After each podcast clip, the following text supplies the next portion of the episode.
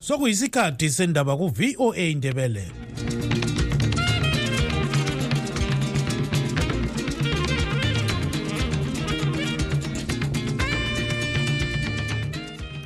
lami ngithathe leli thuba ngibonga utanono kawande obesipha indaba ngolimi lwesishona. Lingalivuka njani izulu kandaba olamukela emsakazweni westudio 7 ngomvulo mhla ziku-5 nhlolanja 2024 nguchris gande. Endabeni zethu lamhlanje abalandeli bakamnumzana nelson chamisa sebeqalile ukubhodabhoda ngelizwe besazisa uzulu ngokusungulwa kwebandla elitsha elizakhokhelwa nguchamisa. Besilomhlangano-ke lapho besibize khona um abahlali bemanikaland ukubana sikhulumisane liyakwazi ukubana umongameli swachiya-ke ibandla le-triple c um thina sesifokasa kuyanka ibandla labantu bonke. Abexuku lebandla le-ccc elisekelwa umnumzana sengezo chabangu bathi ukhetho lwama-by-elections olwangempelasonto belunzima ngoba bebelwisana lezanu p f kunye labanye babo. Ethole kahle ithuba elife engasapothethwa hhayi ngayenza lukhulu. Kodwa-ke hhayi selidume ledlula usezohlala phansi laye labanye bakho babonisane ukuthi indlela ephambili ngehamba njani. Udaba lokuthi izinduna yizo ezizakhokhela uhlelo lokukhulumisana ngodaba lwegugurahundi luqhubeka lusegudweni bona balilizwe abahlukelezwe yibo kumele bazwe kakhulu ukuthi bafunani balimele okungakanani kungezwani. Kuzabachiya belokuthula ngoba yonke icommunity lokukhala lokudevelopha kwayo akukhanyi. Zonke lezi ndaba lezinye lizozizwa khonapha emsakazweni westudio 7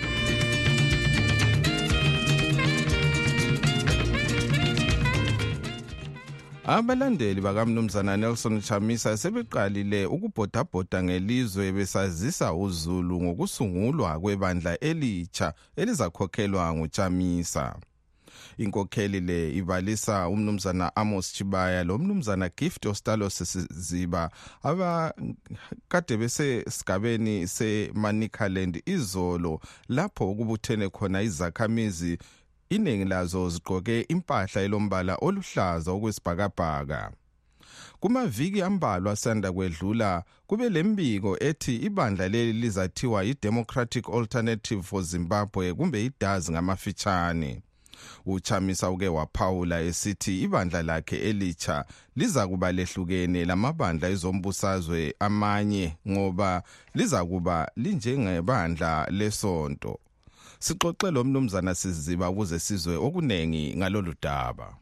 Besilomhlangano-ke lapho besibize khona um abahlali bemanikaland ukubana sikhulumisane liyakwazi ukubana umongameli swachiya-ke ibandla le-triple c um thina sesifokasa kuyanka ibandla labantu bonke ngendaba yokubana izanu p f yasebenzisa-ke amadale um ezimbabwe ukubana bezame ukuthatha ibandla esalakhaya kungasenani inguquko ayilandaba lamabandla inguquko ibuya ngoba ilabantu amadoda labafazi abazimiseleyo ukubana elizweni kube lenqubo lokutshintsha impilo yomuntu wonke siyabona ukubana bakhona amanye amalunga edale lephalamende alokhu ekhona engasuki njengalokho okwenzwa ngumnumzana chamisa labanye. Kuhamba njani khona? Hayi laba-ke abasekhona epalamenti labasemakhansilini babe labo njengoba bengabantu abakwaziyo ukubana abantu bathini bathe bona basifuna ukuthi bekhulumisana labantu. Thina esikwaziyo njalo esikuvumeleneyo lebesikubuza abantu abebesitshele emanikaland ukuthi thina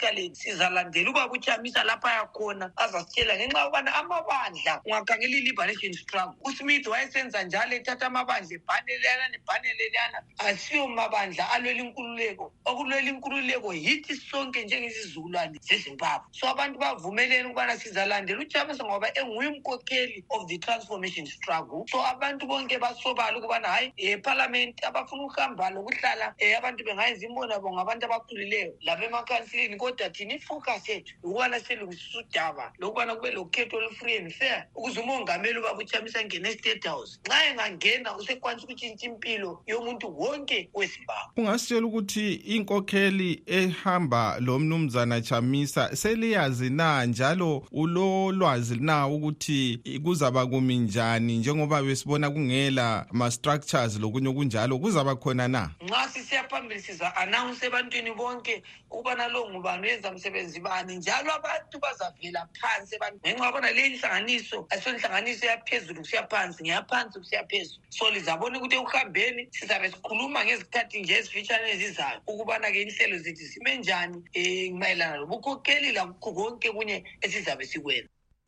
Lo-ke ngumnumzana gift ostalos seziba oke waba ngumsekeli umsekeli wesikhulumeli sebandla le-ccc ubekhuluma ecingweni le-studio 7 esemutare. Kunjalo nje abexuku lebandla le-ccc elisekelwa umnumzana sengezo chabangu bathi ukhetho lwama-by-elections olwangempelasonto belunzima ngoba bebelwisana lezanu-pf kunye labanye babo. Lokhu kulandela ukunqotshwa okwenziwe amalunga ebandla leli ezikhundleni zokudinga amalunga edale lephalamende eziyisithupha kunye lezamakhansili ezingamachumi aphose amabili. Kulamakhansila anqintisa ezimele kodwa ayeqotshwe kubandla le-ccc anqobe kulolu khetho eharare lanxa amanye lawo kade ezimele evela kuleli bandla anqotshiwe ngawebandla lezanu pf sixoxe lowayeyisikhulumeli sebandla le-ccc kobulawayo umnumzana swithan jirowotsa ye ukuthi i-citizens coalition for change iyehlulekile kukhetho oludlilileyo ayisiyo nto eyisimanga eh ngoba eh abantu sebekwazi umahluko we-citizens coalition for change ekachabango le-citizens coalition for change ekamnumzana unelson chamisa njalo okwakathesi kusuke kwabalula ukuqathanisa ngoba umthethwandaba uvalele abakachamisa ukuthi bengabi ngama-candidate ukhetho so sokusaziwa ilizwe lonke abantu besebekwazi ukuthi abangena kukhetho yi-citizens coalition for change ekasengezo le-zanu p f. So abantu base bazihlalela bazihlalela ezindini zabo. Abazange bazihluphe ukuthi bayovota ngoba bekwazi ukuthi um i-candidate abayifunayo kayikho yikho phela okwenze eh i-ZANU PF eh ithathe ama-seats amaningi. Khona kuyinto vele esatshela eh bona laba abahamba lochabango ukuthi izenzo zenu zizakwenza ukuthi i-ZANU PF ibe lama-seat amaningi. Lakanye yikho sokwenzakele ukuthi i-ZANU PF isile two thirds majority eparliament okuyinika amandla okuthi iguqule isekelo so sombuso ye kodwa hathi khonokho kuphela amandla lawa asezasetshenziswa ukuthi kuguqule isekelo sombuso umnankagwa athole i-third term engekho kusekelo sombuso esikhona kathesi. So esingakutsho yikuthi kusengezo labahambi bakhe um sebeqhubele umnankagwa i-third term. Manje nxa sikhangela phambili kuyini okuzenziwa njengoba ibandla lezanu PF selithole izikhundla kumbe ama-seats yenza ukuthi benelise ukuguqula isekelo sombuso welizwe. Lithini nayo lokho i-opposition yonke amabandla wonke aphikisayo eh eZimbabwe akusela lutho olungenziwa ukuthi kutshintshe inani yama-MP ezanu PF eParliament khonokho sokunikeza sokuza unikeza izanu PF amandla ukuthi baguqule isekelo sombuso benze santando. Njalo into elokhu ilihungahunga okwakathesi yikuthi umnankagwa ufuna i-third term. I-third term leyo isilula ngoba usengezo usenelise izanu ukuthi ithole leyo two thirds majority ekhona eparliament. Kuyabe sekusithi ukuthi labana ababehugwa i-faction kamnankagwa laba abalandeli bakamnankagwa ababeqanjelwa amanga ukuthi umnankagwa uzangena itheme yodwa kutsho ukuthi bayabe bezazibona ubuthutha eh nxa eh umnankagwa engatshintsha eh umthetho esenzela ukuthi athole leyo third term. Konke khonokho kuyimbangela kasengezo chabangu othi nxa ezondile kungangcono inyawo zakhe ziqamuke kungangcono eh aqhubele eh amasiti kuzanu PF ngenxa yokuzonda eh labo asebenza labo ku Citizens Coalition for Change. Eh ngesikhiwa sithi that's the current scenario prevailing? Yikho sokukhona eh njalo akusatshintshi lutho. Lo ke ngumnumzana Swithan Jiroza owayeyisikhulumeli sebandla le-CCC kobulawayo. Silokhe silo sikudaba lunye abakucele le-CCC elisekela umnumzana Sengezo Chabangu ozithi ngumgcini isihlalo webandla leli bathi lanxa benqotshiwe kukhetho lwangempela sonto bazahlala phansi bakhangelisise lapho ukube liphutha khona ukuze benelise ukwenza ngcono kwela kusasa sixoxele isikhulumeli sikamnumzana Chabangu umnumzana Khaliphani Phugeni ukuze sizwe okunengi ngalolu daba. Ngiyawubingelela msakazi ngibingelela abalaleli emakhaya. Eh ngiyabonga ithuba lokuxhumana. Eh ngempela ngempela aphumile ama results hayi imphumela ayikho mihle ngempela. Eh ayisikho lokade kukhangelelwe ngabantu. Kodwa ungacabanga okwenzakeleyo ngeviki nje i think bekuyi-friday or so thursday before eh, lolu khetho umongameli wephathi wavele waphosela intambo phansi. Eh manje ngesilungu bathi conducive environment ibisingasekho yokuthi uthi uzorana ukhetho ngoba konke nje kwahle kwama kwafakwa amandla ukuthi kuzama ukulungiswa leyo nkemenkeme kwehlula-ke. So ayimangalisi kangako leyo mphumela ngoba cabanga nje la unguwe ma kungenzeka kaje ngakhumbula i-world cup ngicabanga ka-ninety-eight or so i-france versus brazil. Wonke umuntu ekhangela ibrazil izowina. Kwase kugula uronaldo-ke kwathiwa kwazwakala nje ungasazwakala ungasazwakala. Yebo waba khona egemini kodwa wabona i think badliwa three nil. Ngaleso sikhathi wayenguye ohamba phambili sibili. So ma ulo president enza ngendlela enza ngakhona bekungela thuba vele. Abantu bathi impumela itshengisa ukuba umnumzana sengezo chabango kafunakali. Uthini wena ngalokho impumela itshengisa ukuthi ubaba usengezo chabango usabotajiwe eh usabotajiwe eh kanjani?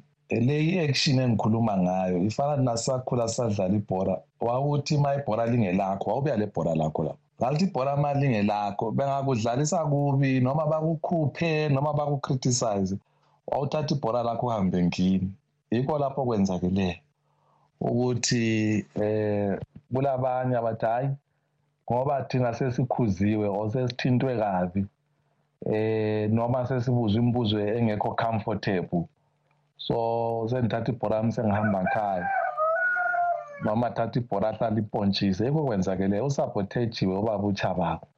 Ngabe ubephiwe ithuba njengabanye abaphiwa ithuba wathola imali wathola i-coverage. Wesabotajwe everywhere. Le media sabothajile angithi even khona la mali ikhuluma ngayo lithi ozithi manje sure kungaba lula ukulandelwa ma abantu besithi ozit akukhatheke sehambe ekhoti izikhathi ezinganani ikhoti yehluleka ukuthi ithi haya wena wena u-s g wangempela. Kodwa usabothajwa yonke nje indawo usabothejwa internally usabothejwa imedia usabothajwa yibo bonke abantu. Um ungabheka i-result yemagwegwe um okwangena khona u-honorable nyathi ubone i-result eyangale empophomo okwangena khona u-honorable moyo yikho bona khona ukuthi ethole kahle ithuba elifair engasabothejwa hhayi ngayenza lukhulu kodwa-ke hhayi selidumele edlula usezohlala phansi laye labanye bakho babonisane ukuthi indlela ephambili ngehamba njani. Lo ke ngumnumzana Khaliphani Phugeni isikhulumeli sika mnumzana Sengezo Chabangu ozithi ngunobhala jikelele webandla le-CCC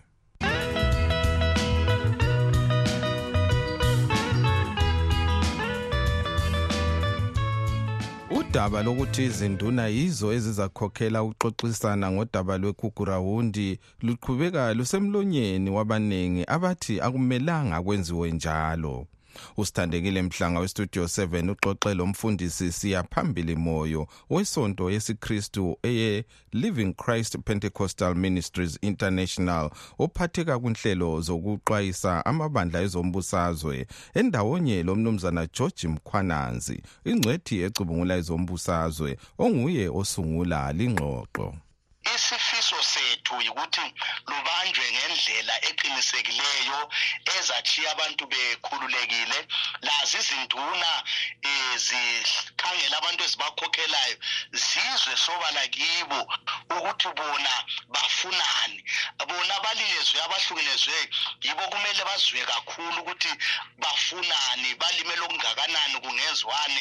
Kuzabachiya belokuthula ngoba yonke icommunity lokukhala lokudevelopha kwayo akukhanyi ingqobo isikuwe mnumzana mkhwanansi eh inkinga yami enkulu ngomnangagwa nombuso wakhe ukuthi bagegelela imbuya besesakulude izinduna ngabantu bakahulumende izinduna ziholiswa nguhulumende izinduna zithola izimota zithola yonke into ziphiwa nguhulumende. Kungakho-ke akukho lutho olutheni singalwenza olungabe lumele izifiso zabantu. Bafana nokuthi bayi-extension yakhe yena uhulumende. Bekumele uhulumende mayefuna le nto ilungiseke ixazululeke ngokuqotho bona laba kade bevele bekhuluma ngeground kwasekuqaleni bevele bevutha umlilo befuna ilungiswe kube yibo asebenza nabo noma engavumelani nabo. Indaba yeground yaphakanyiswa yimbovane iyayiqala phansi yakhuluma ngayo kwazongena abanye abalandelayo nanamhlanje khona obheju likazulu nabanye. Yibo abantu abanesisombululo esingelabuthengisi phakathi futhi esingadingi ukugcwaliswa kwezisu ngokudla. Yibo abazokwenza ukuthi kuphume into ezokwelapha isizwe. Yebo bona bangaba ivoti baphuwa iqhazanyana elincane kodwa hhayi ukuthi kungathiwa yonke into ingabekwa emahlombe abo. Angikuvumi mina lokho. Uyavumelana lo mnumzana mkhwanansi mnumzana moya? Ye njengoba ngishilo ukuthi izinduna lazo njengoba zivele zikhokhelela abantu abantu kuyibo abakhala kakhulu abalimele ngabantu yibo kumele ukuthi bona batsho sibili and bakutsho bekhululekile bangayisabi um ungathola ukuthi abanye induna ziyabe zivele ezingani kwesinye isikhathi esigabeni ziyesatshwa abantu bagcine bengasakhululeki. Esikufisayo thina ikakhulu nje ezamabandla ukuthi kakube lokuthula esigabeni abantu bakhululeke. Siyabona mnumzana mkhwanansi ukuthi lapha izinduna kuthiwa zizabuza abantu ukuthi bafuna ukuthi udaba lolu luphathwe njani? Kuyini okusolayo? Siyakubona ukuthi la wawukhona kuleyo mbovane. Um indaba enjengeguground yombhuqazo yokubulawa kwabantu ye-genocide. Funa ama-thought leaders abantu abazokhokhelela abantu emibonweni ejulileyo enemfundo ene-research ebonisa ukuthi ama-best practices asekaba khona kwezinye inkalo zomhlaba. Ma kuthe kwaba khona i-genocide aphathwa njani amiswa njani? Izinduna zikwazelaphi lokho? Yikho-ke ngithi mina bekufuneke abantu abantu abanezibindi abazokhokhelela umphakathi ngokwengqondo bengesabi lutho bengakhangelelanga okwezisu zabo bebheke ikusasa eliqhakazileyo lomphakathi wonke. Hhayi abafuna ukugezisa izilonda zikamnangagwa nokumbambatha emahlombe ukuthi ajabule um ngokubulala abantu. Labo ngeke kube ngabantu abangasisiza isizwe labo ingqobe yisikuwe mfundisi moyo mina ngike ngangena endaweni eziningi kulabantu asebengabantu abadala um asebelabazukulu bona abantu badala bakhona bengelazithupha. Kukhangelwe konke khona lokhu ngoba abanye behlulekile lokuya ezikolo ngenxa yokuthi abazali babo babevele bengela zona incwadi zokuzalwa. Njalo nxa bekhulumela abantu bese sifisa ukuthi uhulumende akuhloniphe khonokhu akulalelo elakho elokucina mnumzana mkhwanana yikuyiguguluza phezulu indaba yeguground indaba yeguground ijule ukudlula lokho. Ayisiyo ndaba okungathiwa ngenxa yokuthi sokulungiswe indaba zezithupha abantu bakhompasethwa baphiwa lokhu uqedile ngayo. Ijule idephe iphelele emathunjini omhlaba. Yikho ngithi ifuna abantu abanobuchopho abafundileyo futhi abazazi kahle izindaba zegenocide ukuthi ziphathwa njani.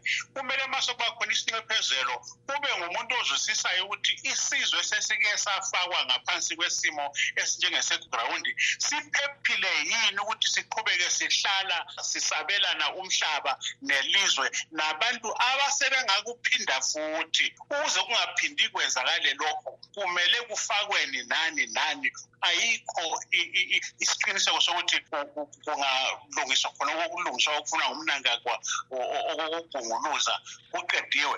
Ufuna nje yena ukuthi kwelatshwe amanxeba akhe novalo lwakhe lokusolwa ngumhlaba. Mina ngicabanga ukuthi le ndaba ayikaqali. Bangakwenza abakwenzayo sobe yasiyifuse hayi ngivumelana laye ubaba umkhwanazi bokuyikunika umzekeliso wezinye zezinto ezenzakalayo kodwa ziningi kakhulu into ezenzakalayo ezifana nalokudlwengulwa kwabantu um labantwana ababa yi-product yerephu lakathi esabangazoyise kuningi kakhulu okwenziwayo kodwa beliqinisa ukuthi abantu bona abayibo abalimeleyo babe yibo abatshoyo abafuna kwenziwe. Njalo nxa sebejile abantu uhulumende akulalele. Okunjakhona okukuzagoqela ukuthi ukuthi into le ingaphindi yenzakale futhi kumele kwenziweni. Lapho ke besilalele umfundisi siyaphambili moyo owesonto esiKristu e Living Christ Pentecostal Ministries International obexoxa endawonye lomnumzana George Mkhwananzi ingcwethe ecubungula izombusazwe belosithandekile mhlanga we Studio 7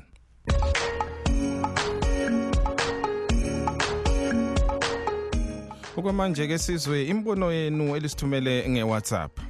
studio seven livuka njani? Nangabathi siyavuka izinto but zivuka ziphezu kwendlala. Kanti nje sicele ukuthi ngicela ukuthi uchaba ngolowo lapho nabantu ahambe bengena doti to door bekhombisa abantu ukuthi bebabhodele kabafike lapha egonda la sibabonise uchaba nje uchaba ngolowo isandla ngathi ingwegwe lo kabuye lapha yenza imihlangano yakhe fike ngapha egonda la. Uzagijima phambili ngemoto nayekwaizana le. Ngimombele ikakhulu nje ngami futhi ngiyafuna ukumfuna kudle kudle uchaba ngolowo uthola ubuso wathi wayiketane ebutheleleyo bafike lapha egonda la bebona imhlolo ngaze ayibona siyabonga studio seven. Ngabe livuka njani lonke? Balandeli bestudio seven. Nzima six months usebenza kuhulumende ungaholi phambili uchamisa phansi layo lokuchaba ngangikhona lo alo studio seven injani lonke abalaleli abathandekayo? Ngithanda ukuphosela ngaleli gama. Ukuthi njengoba ubaba ujob scala esephumile entolongweni ngina ngibona liyana yindoda. Ubaba ofanele ukuthatha isikhundla esokuba umkhokheli kwele zimbabwe asimxhaseni lwana umuntu. Uchamise ngomunye umuntu bezathatha lwana umuntu emsondeze eduzane emenze benguyokhokhelayo bengumsekeli wakhe. Qembu belizaqina okumangalisayo shuwa ngiyacela ngani laba abantu bengakhulumisana? Usikhala utshengisile ukuba liqhawe. Akulaqhawe elifana nalayo kangene ebantwini evule iphathi ngithemba uzulu ohlakaniphileyo uzambona umuntu olesibindi indoda eliqhawe. Asizameni bantu singakhangeli amagwala. Laba mina isifiso ndawonye lotshani studio seven linjani? Ayilo okhulumayo ngumfana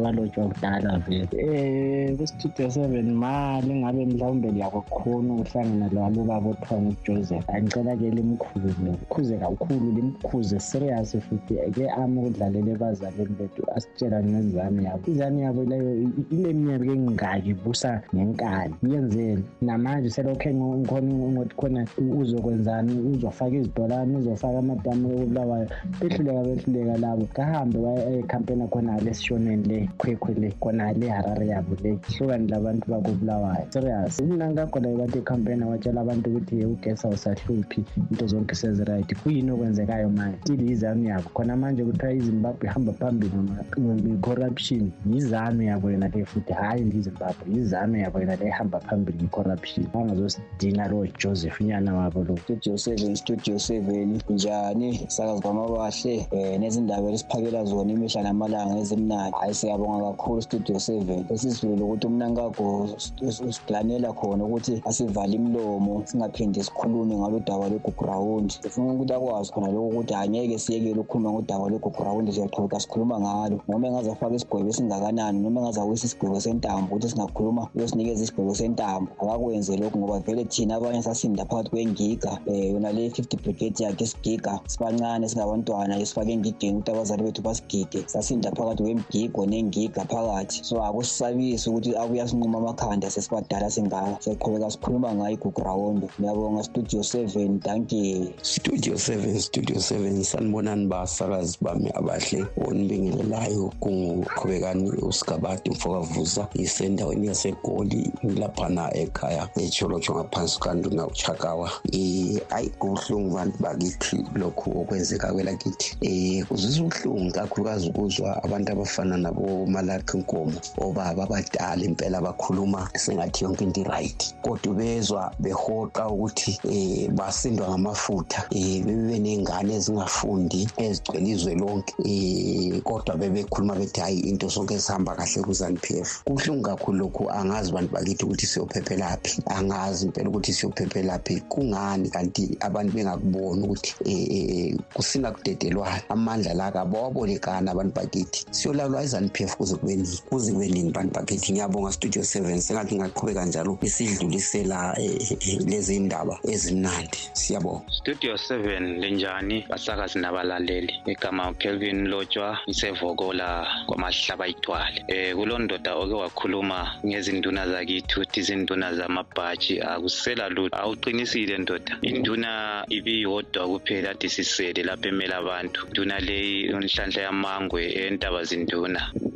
Manje izanu yahle yakunanzelela yamxotsha. Akusela enye induna engiyaziyo enelisa ukumela abantu ngaphandle kwakhe. Abanye laba njengoba sebesidla imali zezanu vele bayesaba ukuthi bengathathelwa. Lokhu abakuphiwe izanu. So vele akula lapho esiyakhona sesingumhlambi kazalusile. Yabo. Uchabango thina simbona njengomthengisi. Awukwazi ukuthatha izinqumo uwedwa. Elele nonkosikazi wakhe endlini ethatha izinqumo. Awukwazi ukuthi lobu ungazi ube ngunobhala awukwazi ukuba namandla ngaphezu kwapresidenti wephathi awukwazi kwenzeka lokho uwedwa uthatha isinqumo ukuthi uthweni uyarikhola abantu haya indoda musa ukudlala wena musa ukudlala. Ipolitics uyayazi yini umba uyazi. Musa ukudlala nje. Awukwazi ukuthi ungaba unobhala usho ukuthi izinqumo singazithatha uwedwa. Ulele lonkosikazi wakhe endlini suyathatha izinqumo. Nasikwazi ukuthi izinqumo zithathwa yi-top six mhlawumbe kube le-committee okuyiyona edisciplina abantu?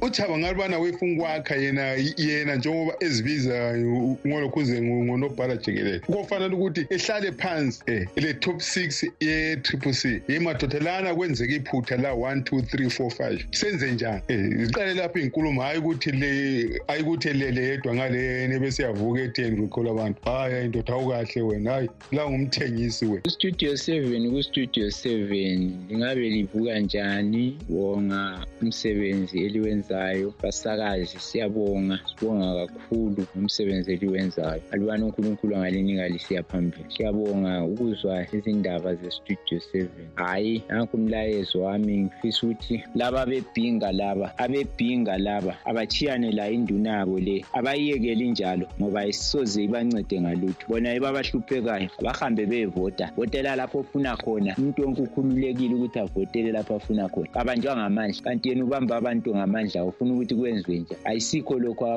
ukubusa abantu ukuthi usuwabusa ukuthi benze intando yakho. Ah ukhaliphani bhugeni bakhona laba. Umuntu uyathula athi tu angazwakali. Angazi ukuthi uyabe seshonephi ayeqhamuka sokusele nje usuku olulodwa. Angithi sonke lesi sikhathi la bebeqinisa amakhanda betshelwa benjalo nabosengezo bakhona. Amakhanda amakhulu begijima besala betshelwa. Manje sekuyaqhamuka ukhaliphani phugeni wakhona um sokusele usuku olulodwa nje.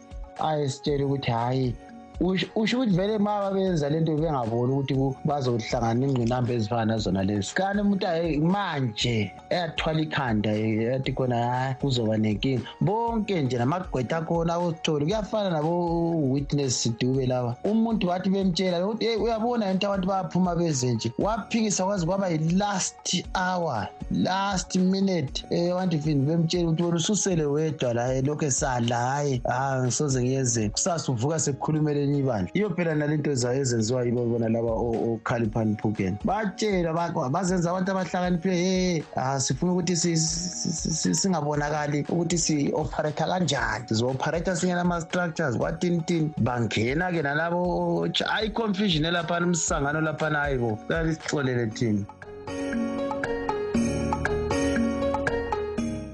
Lawo ke bekungemazwi enu lina balaleli bethu siyabonga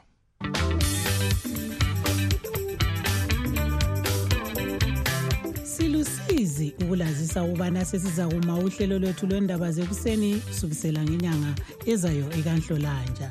Olokugcina uhlelo lusakazwa mhla ka-9 hlolanja kodwa lingalahli themba ngoba konke elikade likulalela ekuseni likukhwabitha kuzabe lokhu kumunyethwe kuhlelo lwezindaba zantambama ngo-half past 7 nsuku zonke.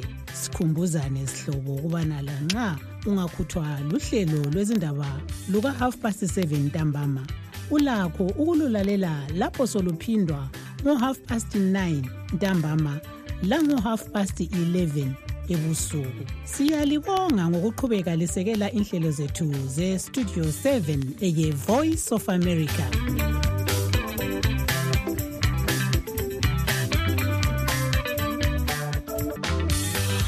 Hayi siyabonga abalaleli isikhathi du.